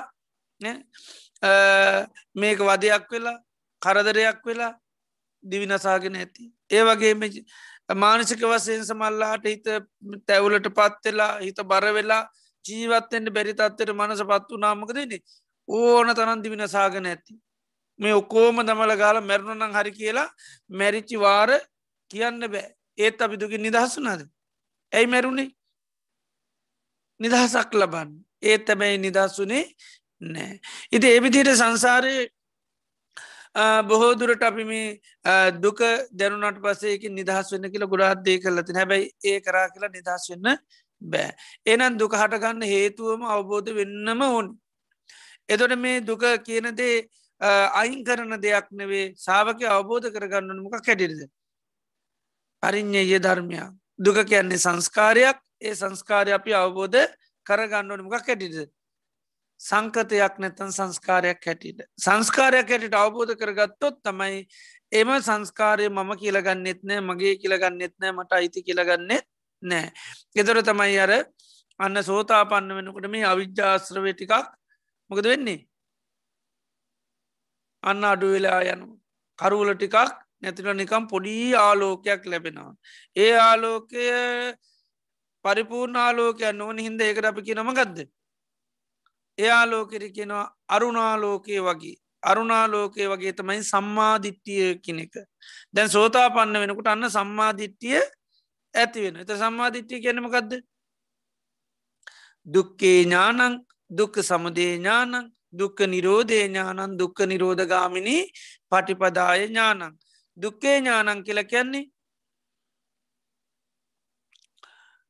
එයා අවබෝධ කරගන්නවා දුක කියන්නේ මොකක්ද කියලා. මොකද දුක කියන්නේ? සංකාරයක්. දුක කියන්න මොකක්ද සංස්කාරයක්. එතට සාමාන්‍ය ලෝකය දුක කියන්න මොක කෙරෙ දකිින් එයාට තේරෙන මොක කෙරෙද මම කියලා. දුක තේරෙන මොක කෙරෙද මම කියලා. මගේ කියලා. මට අයිති කියලා. නැත්තං දුක කියන්නේ තියෙන දෙයක් වගේ පේනවා. සැප වගේ පේනවා. ඊට පස්සේ මගේ වගේ පේනවා. එතොට මගේ වගේ දකින තාක්කල් දුක දුකින් නිදහස්වෙන්ඩ හරි අමාරුයි. අපිට සංසාරය පුරාවටම දුක පිළිබඳව මේ සුක සංඥාව තමයි පහළ වෙන්නේ. දැන් දුක දැනෙනකොට අපි කැනපට දුක දැනෙනවා දුක දැරුණහම අපට දුකින් නිදහස් වෙන්ඩ ඕනි හැබැයි අනි පැත්තෙමකද වෙන්නේ. දුකින් නිදහස් වෙන්ඩ කියලා අපි නැති කරන්න යන්න මනවද. දුක සකස් කරන හේතුවද නැත්තන් දුක්ක නිමිතිද. මොකද නැති කරන්න යන්නේ. ඕ අවබෝධ කරගත යුතු දුක්ක නිමිති තමයි අපි දුක් නැති කරන්න කියලා හැමදාම නැති කරන්නය. ඒ දුක්ක නිමිති අයින් කරන්න ගයාට දුකින් නිදස් වෙන්න බෑ. මොකද දුක්ක නිමිති අපිට නැති කරන්න පුළුවන්ද බැයිද. බෑ ඒකයි. ඒකයි පරිින්්ඥය කියන්නේ. අවබෝධ කරගන්න මිසක නැති කරන එකක් නෙවේ. මොකද මිනිසු බයින එක බයිනකත් අපිට දුකයින. මිනිස්සු බයින එක අපිට නතර කරන්න පුළුවන්ද? බැයිද? බෑ. අපි නිකමුත් කියන්නේ රට වටකට මොකක්ද නේද? වැට බැන්දත් කටවල් පට කරලා වටවල් බඳන්න බැහැ කියලා නේද? එන මිනිසුන්ගේ කෙලෙස් තින තාක්කල් මිනිසුන්ගේ කටවල් වහන්ඩ පුළුවන්ද බැයිද? වහන්ඩ විදිහක් නෑ. නේද? මිනිස්සුන්ගේ හිත්තල කෙලෙස් තියන තාකල් මෙ ආශ්‍රව තියන තාක්කල් අවිද්‍යාව නැමති කරුවලේ මිනිස්සු ඉන්න තාක්කල් මිනිස්සුන්ගේ කටවල් වහන්න බෑ. මකද මිනිස්සු ඉන්න කරුවල අවිද්‍යාව නැමති කරුවල. ඒ කරුවල ඉන්නයට අනිත්තයි පේනවාද? දැන් සාමාන්‍ය කරුවල හිටියොත්තෙම සාමාන්‍ය කරුවල ඉන්න අය කරුවලේ ඉන්න කෙනෙක් දෙයක් ගැන කතාකොරොත් හරියටම දැකලද? නැත්තං කාගෙන් හරි අහගනද? නැත්තං අත පතගාගනද එක්කෝ අහගෙන එක්කෝ අතපත ගාල. අතපත ගාලා අල්ලනේ හරියටම අල්ලගනද කතා කරන්නේ? කියන්නේ. දැකලම්මද නැහැන. අහු වෙනකොට අහු වෙන විදිහට ඉතින් අල්ලල කියනවා. ඉතිඒක ඇත්තක් වෙන්ඩක් පුළුවන් බොරුවක් වෙන්න පුළන් වැරදි වෙන්ඩක් පුළුවන්. නේද? ඉතින් ඒ අය අව්වෙන විදිට කියනවා. නේද? ඒකන බුදු කෙනෙකුත් සමාරයට අව්වෙන්නේ සමාරයට බුදු කෙනෙකුත් වැඩදිදිට අව්වෙනවා ඒගෙන බුදුරන් වහන්සේට සමට උපත්තාන කරන හාමුදුරුවම සමාර විශේෂ සුනක් අත්ත කියන්න හාමුදුරු බුදුරන් වහන්සේට කියන භාගතුන් වහන්සේ අනිත් අයි රහත්වන රිර්ෂියාද කියලාහනවා එතර එයට අහුවෙන හැටි එතර ඒතන බුදුරජාන් වහන්සේ අනිත්තයි රහත්වනෝට කැමති නෑ උන්වහන්සගේ සාාවක විතර රහත් වනා ඇති අනිත්තයි රහත්වන හොට කැමති නෑ ඉතින් එතට බන්ඩ යට අහුවෙන හැටවි එත බුදු කෙනෙක් කියන්න එහෙම මුළු ලෝකෙම රත්තුනත් ප්‍රශ්නයන්නේ උන්වහන්සටම ආගම්බේද ජාතිබේද නෑ ඒකන උන්වහන්සේ කාලමි ඕන තරන්තා පසාරාමුලට යනවා වෙනත් ආගමිකායි ඇසරු කරනවා. උන්වහන්සට අපිට වගේ බේද නෑ උන්වහන්සේට මනුෂ්‍යවා කියන්නේ කවුරුත් ඒකයි. උන්වහන්ස පෙන්න්නන මේ මිනිස්සුන්ගේ මෙ පාට් ඇස්වල වෙන සත්තියනද කංවල වෙන සත්තියන නාසවල නත්තිනවද දිවේ වෙන සත්තියනවද කංවල වෙන සත්තියනවද ඔය පාට විතරන වෙන සත්තියන්නේ කාගෙත්තියෙන් ඇස් කාටත් තියෙන්නේ කං නේද? මුළු ලෝකෙම ඉන්න මිනිස්සු අපිකිම දෙසියක් තරින් වන වර්ග. ඔය දෙසීම කෙනුවත් මොනවද තියෙන වැඩියෙන්? වැඩිය මොනවත් තියෙනවද? කන්දෙකුයි ඇස් දෙකුයි නේද? ඔයට ඇරියම නොන තියනොද ඇතුල තියෙන මේ අංග මේ අඟ පසඟවත්ති නොද මේ සමරුන්ට වඩ වකුකොට දායක් පාලොත්තිය නවා එහෙම තියනවාද? නෑ. නේද? සිංහලායට වක්ගඩු තුන හතරයි නේද එහෙමකත් තියනවාද? නෑ. කාටත් තියෙන්නේ වකුගඩු දෙකයි ඇල්තවත්තුවයි එක මොල්ලයයි නේද? කලාතුරකින් තව පොඩිබොඩු වෙනස් වෙන්න පුළුවන්. නමුත් ඒවා පීටියොත්තේ මීට පස්සේ නේද? ඒක මනුසයට කරදරයක් විසක හොඳක් නෙවෙයි ඇස් දායක් පාලොත් තින මිනිසු නෑන. ඔක්කෝඩමති නැස් දෙකයි කන් දෙකයි නේද? ඉදේ විදිරි තමයි තියෙන්නේ. ඒවා ඉතිං කර්මාරූප වෙනස් වෙනවා පුජලයට සාපය සිතව එතොට ඒවයි කිසි වෙන සක් නෑ ඉති එනිසා මනු බුදුරජාන් වහසට මනුස්්‍යයන්ගේ කිසි වෙන සක් නෑ. එතර උන්වහන්සේ ඒ වගේ ඕනම කෙනෙක් ඇසුරු කරනවා.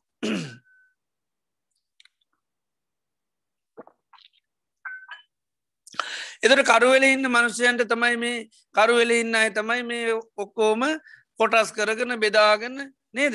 ජීවත්තෙන්නේ ඉතේ නිසා මේ කරුවලේ ඉන්න මනුස්ස වර්ගත්තය අපි ජීවත්වල ඉන්න තාක්කල් බාහිරුව ඇති වෙනුවයි දුක්ක නිමිති කියෙනව කාටුවත් නැති කරන්න බැහැ ඒකයි. මිනිසුන්ගේ බැනුම් අහනේ අපිට නතර කරන්න විදිහක් නෑ. බුදු වුණත් බැනුම් අහන්න වෙනවා. ඒක රහත් වනත් බැනුම් අහන්ඩ වෙනවා. සමාජ සේවකයකුණත් බැනුම් අහන්ඩ වෙනවා. ඒකයි. සමාජයට පණදීල ජීවත් වන කෙනෙකුුණත් එයා කියන්න මම මුළු ජීවිතයම ගත කර අපේ ජාතියට අපේ වර්ගයට. ඒත් ඉතින් අනිවාරෙන් බැනුම් අහන්ඩෝනි ඒක නතර කරන්න පුළුවන්කම නැහැ. ඒකයි. ඉති හෙට පසිතින අනේ අපේ මිනිස්සුන්ටනං කරලා වැඩක් නෑ නේද? ඉරපස කල කිරනවා ගොඩක් වැඩ කරපු අය. ඔය ලංකාව ඕන තරංගින්නේ නේද? මනු අපේ සිංහලවන්ට කරනවාට වඩා හොඳයි නේද? ඔය වගේ තම හැම ජාතිකින් ගත්තොත්තේම ඉතිං ඒ විදියට මේ කෙලෙස් සහිත ලෝකයේ ජීවත් වන තාක්කල් අපිට දුක්ක නිමිතිවලින් නිදහස් වෙන්න බෑ. ඒකයි දුක්කම් පරිින්්ඥයන් කැනෙ දු අවබෝධ කර ගණ්ඩෝනි ඒ අවබෝධ කර ගන්න ඕනි දුක කියන්නෙමකක්ද පරිින්්ඥය කැන්නේ අවබෝධ කර ගන්න ඕනි මොකක් හැටියද? සංස්කාරයක් හැටියට. දුක කියන්නේ සකස් වෙන දෙයක්. ඒක හේතු සහගතයි. එදොට ඒ දුක සකස් වෙන්නේ හේතුවක් නිසා ඒ තමයි තන්හාාව එදොට අපි දුක්පිදින්නේ මිනිසු බයින හින්දද? නැත්තං බනින දේවල් වලට තියෙන කැමැත්ත නිසාද? අපි මිනිස්සු බයින දේවල්ට කැමැති දකමැතිද? කැමැති. අපි නිකම් බැනුම් ආහන්ඩ කැමති නෑකිවට බැනපු ආන්ඩ හරි කැමැති. මේ මෝත බයින වාහන්ඩක් කැමති අතීතයේ බැනපු හන්ඩක් කැමති ඉළඟට අනාගතයේ බනිනො ඒවා හන්ඩත් කැමති. කල් ඇතුව කවුරරි බයින්ඩ සූදානන් කරගෙන ඉන්නවා කිවොත්තේම ඒටික කවුරරි දන්නවාන ඒත් අහන්ඩ කැමතිද නැද්ද? ඔයාට තව අවුරුදු දෙකින් මෙන්න මේ විදියට චෝදනාවක් කරන්න කෙනෙක් ඉන්නවා නේද? දැහෙම කිවොත්තේ මේ චෝදනා කරන කෙන අවුරුත් දෙකින් තමයි සැලසුම් කරගෙන යන්න චෝදනා කරන්න. ගොුණු කරගෙන. දැන් කෙනෙක් කල් ඇතුව දැනගන්න අපිට ඇවිල්ල කියනවා ඔයාට අවුරුදු දෙහකි මේ වගේ චෝදනාවක් කරන්න යන්න. දැන් ඕක හන්ඩ කැමතිති නැද්ද? කැමැති. නේද? ඉදරවාන කියන්නත් ඉස්සල්ලා එයා තමට එයා ගීත වෙනස්සුනොත්තේම කියයිද? අවුරුද් දෙකක් විතර යනකොට. සමල්ලාට එහිත වෙනසුනොත් කියන්නේ නේ ඒත් අපි කල් ඇතුව ඒත් අහන්න කැමති. නේද? බහින්ඩත් ඉස්සල්ලා බයිනවා කිව්වනගේ කත්තාන්න කැමැති. ඒ වගේ කැමැත්තත් තම අපිට තියෙන්නේ. ඉදේ කැමැත්ත තියෙන තාක් කල්න අප දුක්විින් එද රය බයින්ඩත් ෙස ලපීට පසමක දෙන්න තමට අවුරුද් දෙකම ද අන්ඩ වෙනවා. නේද? ඊරවදඉතින් දෙකින් පසකය මං අවුරුද් දෙකක් මෝක දැනගෙන හිටිය. නේද? ඉන් දෙකක් මීටවද කල්ලතු විඳවලා නේද ඒකයි ඉදේකයි තන්නාව නිසා දුක්විඳනවා කියන්න තන්නාව නිසා දුක්කිනවා කියෙන අපි දේවල් වලට හරි කැමැති විශේෂෙන් දුක කියන දේට කැමැති දුක නිමිතිවලට කැමැති ඒ කැමැත තියන තාක්කල් අපට දුකින් නිදස්වෙන්න පුළුවන්කමක් නෑ. ඉතිං ඒ නිසයි බුදුරන් වහන්සේ ධර්මය තුළ දුක්ක කියනදේ තන්නාව නිසා හටගන්න. එදරේ තන්නාව නැතිවුණු තමාන දුක්ක නිරෝධය කියල කියන්නේ. තන්නාව නැතිවුණ අපි දුකින් නිදහස්සනවා. අර අනාගතය වසයෙන් බයින්න තියෙන දේ කවුර ඒක අපි ඒ පිළිබඳව කැමැත්තා කටගත්ත නැත්තං අපිට දුකක් කටගන්නේ නෑ. අපි හිතනවා ඒක ඉතින් අනාගතයනේ අනාගතය ගැන තාම පැමිණිලා නෑ පැමිණිච්චි නැති දේවල් කල්ලතු පාරගෙන වැඩක් නෑ ඒක තාම් පහළ වෙලා නෑ අජාත් පහළ වෙලා නැති දේවල් ඇයි මේ පහළ වෙච්චි නැති දේවල් කල් ඇතු පහල කරගන්න යන්නේ ඉතින් ඒවිදියට අන්න ඒකට කැමැත්තක් කට ගත්ති නැත්තන් ඉතින් දුක්කිදින්න නැත ඉතින් බයින්ඩත් ඉතරල දුක්කිදින්න සිද්ධ වෙනවා. ඒකයි. සමාට බැනපු බයිනව දන්නෙත් නැති වෙන පුල යාදාගන්න මට මෙහෙම බනි අරයෙන් බනි වරෙන්කු බනින්ඩ නේද? මං පෙන්න්න අංගල ඊට පද ඊළඟ ජීවිතයට කර්මත් අදාගන්න පුළුව අරය ඊට පස බයි බයින් නෙත්න එවනට මෙහින් කර්මාදාගනත් ඉවරයි. ඒ තරමට අන්න මේ තන්න කැමැත්ත තියන තාක්කල් දුක හටගන්න ඒකයි. දුක සකස් වෙනවා. ඉතිේ නිසා කමැත්ත නැතුනොත්තම දුකින් නිදහස් වෙන්න පුළුව ඒ සඳහා අන්න මාර්ගය තමයි ආර්ය අෂ්ඨාංකික මාර්ගයේ. ඒ කැමැත නැති කරන්න අපි සිහ දියුණු කරන්න ඕනි සම්මාධිත්‍ය ඇති කරගන්න ඕනි. එදොට තමයි දුකින් නිදහස් වෙන්න පුළුවන්කම තියෙන්නේ. ති මෙන්න මේ චතුරාර් සත්‍යය ධර්මය අපි අවබෝධ කරගන්න නැති තා කල් සංසාර පුරාවටම ඉල්ල තින කොහෙද? කරුවලේ. කරුවල ඒකටගෙන අවිද්‍යාව නැමැති ආශ්‍රවය කියලා. ඉතිඒක ලේසියෙන් නැති කරගන්න හරි අමාරු භාවනා කරත් නැතිවෙන්නේ ජාන දියුණු කරත් දියුණු නැතිවෙන්න බ්‍රහ්මලෝක ගියත් නැතිවෙන්න දිවලෝක ගියත් නැතිවෙන්න කොහේ ගියත් කරුවලේ තම යන්න තියෙන්නේ. කොහේ ගියත් මේ සංස්කාරය මම මගේ කියල තමයි අරගෙන යන්න. එකයි සක්කාය දිට්ටිය කරා තමයි අපි කොහේ ගියත් යන්නේ. ඒ හරිට පුපමා කරනවා. බලු පැටියෙක් ලනුවක ගැට ගැහවොත් බලු බල්ලු පැටියා කැරකුණුත් කැරකෙන්නේ මොකේ වටේද? කනුව වටේ. දිව්වොත් දුවන්නේ මොකේ වටේද? කනුව වටේ. ලැක්ගොත් ලගින්න කොහෙද? කනුව ලග ඒ වගේ තමයි කිනවා අපි සංසාරයේ ලගිනවාන ලගින්න මොකක් කරද? සක්කාය දිට්ටිය ඒකයි. සක්කාය දිට්ටිය තමයි ලගින් ඉළඟට දුවනවන දුවන්න ඕක වටේටමයි. මනුෂයකුණත් තියෙනෙමකක්ද සක්කාය දිට්ටිය දෙවියෙක්කුණත් තියෙනමකක්ද සක්කාය දිට්ටිය බ්‍රහ්මයකුණත් තියෙනමකක්ද සක්කාය දිටි සක්කාය දිට්ටිය කැන උපා මේ දුක පංචුපාදානස්කන්දය තමයි කෙටියෙන් දුක. ඒ දුක මංමගේ කරගන තමයි කොහේ ගියත් යන්නේ. වේදනාවක් කටගත්තු ඒදනාකාගෙද සමාධයක් දියුණු කළ මිසු සුග වේදනාවක පොදව ගන්න. ඒ වේදනාව කාගෙද? මංමාගේ මට අයිතිදිය ඒක සංස්කාරයකට තේරෙන්නේ නෑ ඒක වෙනස් වෙල නැති වෙලා යනවා කියල දන්නේ නෑ ඉති ඒක මගේ කරන ඒක වටේ දුවනු දිව්වා ඒකයි කොහේ ගියත් අර කනුවටේ දුවන වගේ තමයි. අය ගැලවෙන්න පුළුවන්කම නෑ ඉති ඒ නිසා මේ චතුරාර් සත්‍ය අවබෝධ නොකරගත්තොත්තේ මේ අවිද්‍යාව නැමති ආශ්‍රවය තුළ සංසාරය යන්න සිද්ධ වෙනවා. ඒකයි මේක උපදවා ගණ්ඩෝනි ආශ්‍රවක්ෂය ඥානී. එත රහත් වෙනකොට තමයි ආශීලු ආශ්‍රව නැතිවලෙන විශේෂෙන් අවිද්‍යාව නමති ආශ්‍රව නැතිවන රහත්වෙනකොට රහතන් වහන්සේලාට උන්වහන්සේලා මේ දුක අවබෝධ කරගෙන ගත්ත කෙනෙක් ඒ දුක හටගන්න තන්නහා ප්‍රාණය කරපු කෙනෙක් ඒ තන්නා ප්‍රහාණය වෙලා නිරෝධය පත්‍යස කරගත්ත කෙනෙක් ඒ තන්නාව නැති කරන්න මාර්ගය දියුණු කරපු කෙනෙක් රහත ඒකයි චතුරාර් සත්‍යය පරිපූර්ණ වශයෙන් අවබෝධ වෙනවා චතුරාර් සත්‍ය පරිපූර්ණ වශයෙන් අපද ඒකට තම අපි ප්‍රඥාව කියලා කියන්න විද්‍යාව කියලා කියන්න. එතෝට ආශවක්ෂය ඥානය කියන්නේ එතොට මේ සියලු කෙලෙසුන්ගෙන් උන්වහන්සේලා නිදහස් කියලා අවබෝධ කරගන්න හැකියාව උන්වහන්සේලාට ලැබෙනවා. ඉතිය නිසා මේ ආශ්‍රව ධර්මයන් අනිවාර්යම සාාවකය අවබෝධ කරගන්න පත්්‍යස කරගන්න ආශ්වයන් නැති කල්ලා ඒ පත්‍යශ භාව ඇති කර එතෙක් එයාට සසරින් ගැලවෙන්න පුළුවන්කමක් නෑ. සෝතාපන්න වෙනොට මේ ආශ්‍රව යම් ප්‍රමාණයකට නැතිවෙනවා සෝතාපන්න වෙනකොට. සෝතාපන්න වෙනකොට නැතිවෙන ආශ්‍රමනොද ඒත් අවිද්‍යා ශ්‍රව ඒ අවිද්‍යාශ්‍රව නැතිවෙනකොටම එයා නිරෙන් තිරිසන් ලෝකාදීන් ගැලවෙනවා. මක ආශ්‍රවයන් වලින් තම අපි ඇරයි යන්නේ. අත්තිමික්කේ වාසවා නිරේගම් නිරේ ගෙනිය ආශ්‍රව තියෙනවා. තිරිසන් ලෝක ගෙනිය ආශ්‍රවතියන තර සෝතා පන්න වෙනකොට නිරේ යන ආශ්‍රවත් නෑ තිරිසන් ලෝක යන ආශ්‍රවත් නෑ ඉළඟට ප්‍රේත ලෝක යන ආශ්‍රවත් ඔක්කොමක වෙන්නේ? මුලින්ම සිදින එක අපි කීන නිරයෝම කියන නිරේ කියනක ශය කළ දානවා. සෝතා පන්න වනාම සම්මාධිට්්‍යය පහළ වෙන. ආනේ නිසාය අය නිරේ යන විදිට කොයි වෙලේක්වත් හිත කරුවලට පත්වෙන්නේ නෑ. කාමය මුල් කරගෙන කොයි වෙලේකොත් හිත කරුවලට පත්වෙන්නේ නෑ. නිරේ යන විතිට කාමයට කැමැති. හැබැයි ඒ කාමය වස්තුූන් ලබාගන්න අකුසල් කරන්න ප්‍රාණගාතවරකන්ගේ වගේ නිරේ යන වැඩ කරන්නේ නැහැ. ඉතින් ඒ විදියට සෝතා පන්න වෙනකොට ඒ ආශ්‍රවයන් යම් ප්‍රමාණයතේ නිසායයි නිර තිරිසන් ලෝකෙන් නැත්වෙනවා. ඉළඟට සකදාගාමියනකොට මේ ආශ්‍රව තවත් අඩුවෙනවා කාමාශ්‍රව. ඒක බලතල අඩුවෙන නිසා එක වතාවක් විතරක් කාම ලෝකයේ උපදින තත්වයට පත්වෙනවා. අනාගාමීනකොට කාමාශ්‍රව සම්පූර්ණම අන්න නැත්තටම නැතිවෙන. ඒ නිසා අනාගාමියාය කාමලෝකයේ උපදින්නේ නෑ ඒකයි අනාගාමී කැනෙ.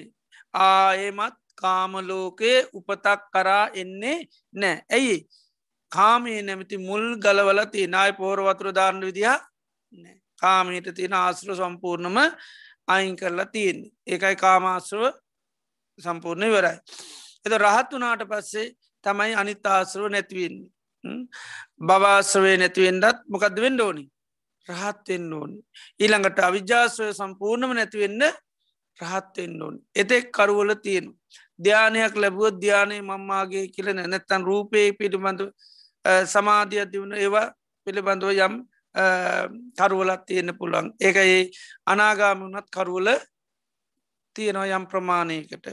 ඒ කරුවල නැතිවෙන්නේ රහත් උනාම රහතන් වහන්සේලාට එකයි සියලු ආශ්‍රවයක් නැතිවුනාම අපි කිනවා කීනා ශ්‍රව කියලා. සියලු ආශ්‍රව ශේකරා කියලා. තුර ඒ සීරු ආශ්‍රවශය වුනාම තමයි උන්නාතල දුකින් නිදශවන්නේ ඒකට කෙනවා මනඥානයද ආසවක් කයේ ඥානී කියලා. එතට මේ ඥාන තුනටම කිනොත් තිවිද්‍යා කියලා. පුබ්බේ නිවාසානුස්මති ඥාන විද්‍යා චුතූපපාත ඥාන විද්‍යා ආසවක්කයේ ඥාන විද්‍යා ති විද්‍යා බුදුරජන් වහන්සේටත් ඔය තුනතින එක තමයි විද්‍යා චරණ කියලකැන විද්‍යා කැනෙ ති විද්‍යාවට චරණ කියන්නේ සීලාදී ගුණ තිබන ගුණහිංසා නුවනින් යුත්ත නිසාතම අපි විද්‍යාචරණ සම්පන්න කියල කියන්නේ. රාතන් වහන්සේලාටත් මේ තිවිද්‍යාවන් උන්වහන්සේලා පත්‍යස්ස කරගන්නවා. ඒකයි මේ සාාවකය අනිවාරයෙන්ම පත්‍යස්ස කරගත් යුතු ධර්මතාතුනත්තමයි මේ විද්‍යාතුන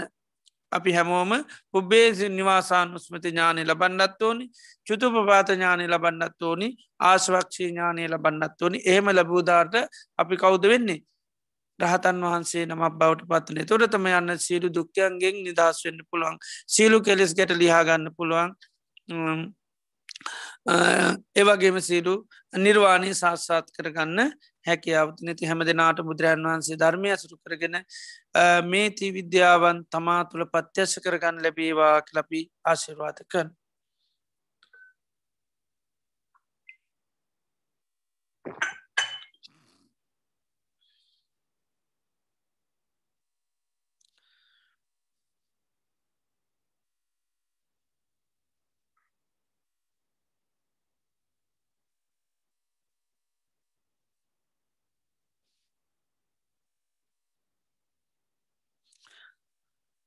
හොඳ ඇත දිනේදී තාම ශ්‍රද්ධාවෙන් ගෞරයෙන් බත්තිය යුතුව ඉල්ලොත්‍රා භාගවත් බුදුරජාණන් වහන්සේ අපේ ජීවිත සුවපත් කරන්ට දේශනා කරපු ඒ උතුම් වටිනා ධර්මි තාම ශ්‍රද්ධාවෙන් ගෞරයෙන් සවනය කරා. ධර්ම දේශනාව සඳහාදායකත්ව සැපීමෙන් ධර්මදානමී පින්කම සිත වෙනවා. බුදුරජාණන් වහන්සේ දේශනා කරන්න සියලු දානයන්ට වැටි ධර්මදානය ශේෂ්ටයි මේක බන පදයක් හරි අපි සවනය කරලා අපේ චිත සන්තාන තුළ සීයනුවනාදී දුුණු කරගත්තොත් අපට මේ ජීවිතෙත් ඊළඟ ජීවිතෙත් අපිට සැපේ පිණිස සැනසිල්ල පිණිස හේත්වෙනවා ඉතිේ නිසා මේ ධර්මය සව දේශනය කිරීම ඒවගේම සඳහා ඉට සලසලදීම උතුම් දානයක් හැටිට බුදුරජාණන් වහන්සේ දේශනා කරනවා. ඒවගේ මේ ධර්මය සවනී කිරීම තුළ අපිට බුදුරජන් වහන්සේ කරේ මහා සද්ධාවක් ඇත්වෙනවා සම්මා සම්බුද්ධ භගවාය කාන්තේම බුදුරජාණන් වහන්සේ සම්මා සම්බුද්ධයි. ධර්මය ස්වාක්කාතයි සංඝයා සුපටි පන්නයි තිවිදරත්නය කිරීම අපිට මහා ශ්‍රද්ධාවක් ගෞරය බත්තියක් ඇත්වෙනවා තිම් තිවිදරත්නය කර යම් වෙලාක පසාද සිතක් පහලනොත් බොහෝ කාලයක් මහිත සූ පිරිස හේතුන ඉතින් අද තිනේදී සද්ධර්මශ්වනය කිරීමෙන් ඒවගේම දේශනය සඳහා දායකත්වය සැපීමෙන් ඒවගේම දේශනා සිද්ධ කිරීමෙන් ඒවගේම සවනය කිරීමෙන් ප්‍රසාද සිත් පහලවීමෙන් අපේ චිත සන්තාන තුළ ප්‍රමාණ පුුණි ශර්තයක්කත් පත් වෙනවා. ජත දිනේදිත් විශේෂ පුුණ්‍යාන මෝදනාවන් සිද්ධ කරන්න බලාපොරොත් වෙනවා. අද මැයි මස විසිතන ධර්මදය සඳහා අනුක්‍රා දක්වනුවේ දෙදස් විස්සේ මැයි විසිහත්වනි දින පරලෝ සපත් ඇන්ඩරුගේෂන් නන්දන පියානන්ට පින් අනුමෝදන් කිරීම සඳහා ඉරේෂා මදුසානී දර්ශිකා කල්පනී යන දියනියන් සහ තරජු විජේසුන්ගසා එරංග එරංග ප්‍රේමරත්න යන බෑරනුවන් විසින් අද දිනේදී මේ රැස් කරගත්තා වූ ඒ උදාහරතර පුුණි ධර්මයන් ඒ පින්වත් පියතුමාට මේ පින අපි අනුමෝදං කරමු. ඒ පින්වත් පියතුමා සේතින් කරගත් පිනක් හා සමානව සාදු කියලා මේ පින අනුමෝදං වේවා. මේ පින අනුමෝදංවීමෙන් එතුමා ලැබූ ජීවිතාවශයෙන් වර්ණයෙන් සැපීම් බලයෙන් සමුෘධමත් ජීවිතයක් වේවා සසර වසනාතුර නිවන් දක්නා ජාති දක්වා දිව්‍ය මනුස්සාති සුගති ලෝකවල උපදමින් චතුරාර් සත්‍යාබෝධයෙන් නිර්වාණය අබෝධ කරගන්න එතුමාට මේ පින උපකාර වේවා කලපී පුුණ්‍යානු මොදනා සිද්ධ කරමු. අතීත සංසාරයේ පටන් අපි මේ ජීවිතේ දක්වා අප සිරු දෙනානමින් මිය පරලෝගේ යන්තාඥාතමිත්‍රීතයිසින් ඇත්තම් ඒ සියලූම ඥාතින් මේ පින සාදු කියල අනුමෝදං වේවා. මේ පින අනුමෝදංවීමෙන් ඒ ඥාතින් ලැබූ ජීවිතය සුවපත් කරගන්න සසර ගමන සුවපත් කරගෙන නිර්වාණය අබෝධ කරගනිත්වා. සිරු දෙවි දේවතාවෝ මේ පින අනුමෝදං වේවා. සිල්ලු දෙවියන් මේ පින අනුමෝදංග දෙවියන්ගේ ජීවිත සුවපත් කරගන්න මේ පිනපකාරි වේවා.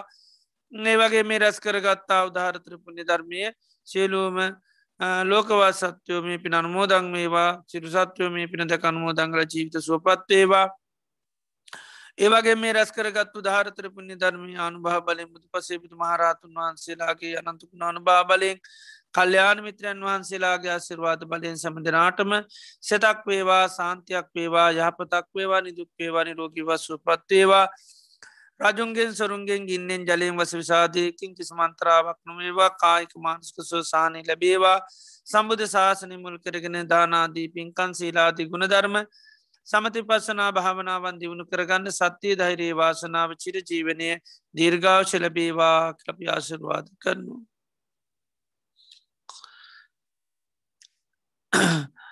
එමිය පල්ලෝගේ පේතුම ඇත්‍රියන්තා ඥාතින් ඇත්තන් සිරු ඥාතින් අපි මේ රැස් කරගත් උදාරතර පුුණ්‍ය ධර්මය අනුමෝදන් වෙලා යයිගේ ජීවිත සූපත් භාවිට පත්තේවා කියල පින් අනුමෝදනා සිත කරමු.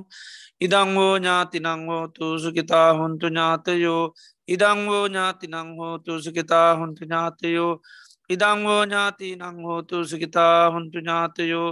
එත්තාවතා චම්මීහි සබදම් පුුණ්්‍ය සම්පදං සබේ දේවානුමෝදන්තු සබ සම්පත්ති සිද්ධියා එත්තාවතා චම්මීහි සබදම් පුුණ්්‍ය සම්පදං සබේ භූතානුමෝදන්තු සබ සම්පත්ති සිද්ධියා එත්තාවතා චම්මීහි සබදම් පුුණ්්‍ය සම්පදං සබ්බේ සත්තානුමෝදන්තු සබ සම්පත්ති සිද්ධියා ඉමිනාපුං්ඥ කම්මීන මාමී බාල සමාගමෝ සතන් සමාගමෝ හෝතු යාව නිබ්බාන පත්තියා ඉදම් මේ පුං්ඥකම්මං ආසවක්්‍යයාවහං හෝතු සබදුකා පමුංචතු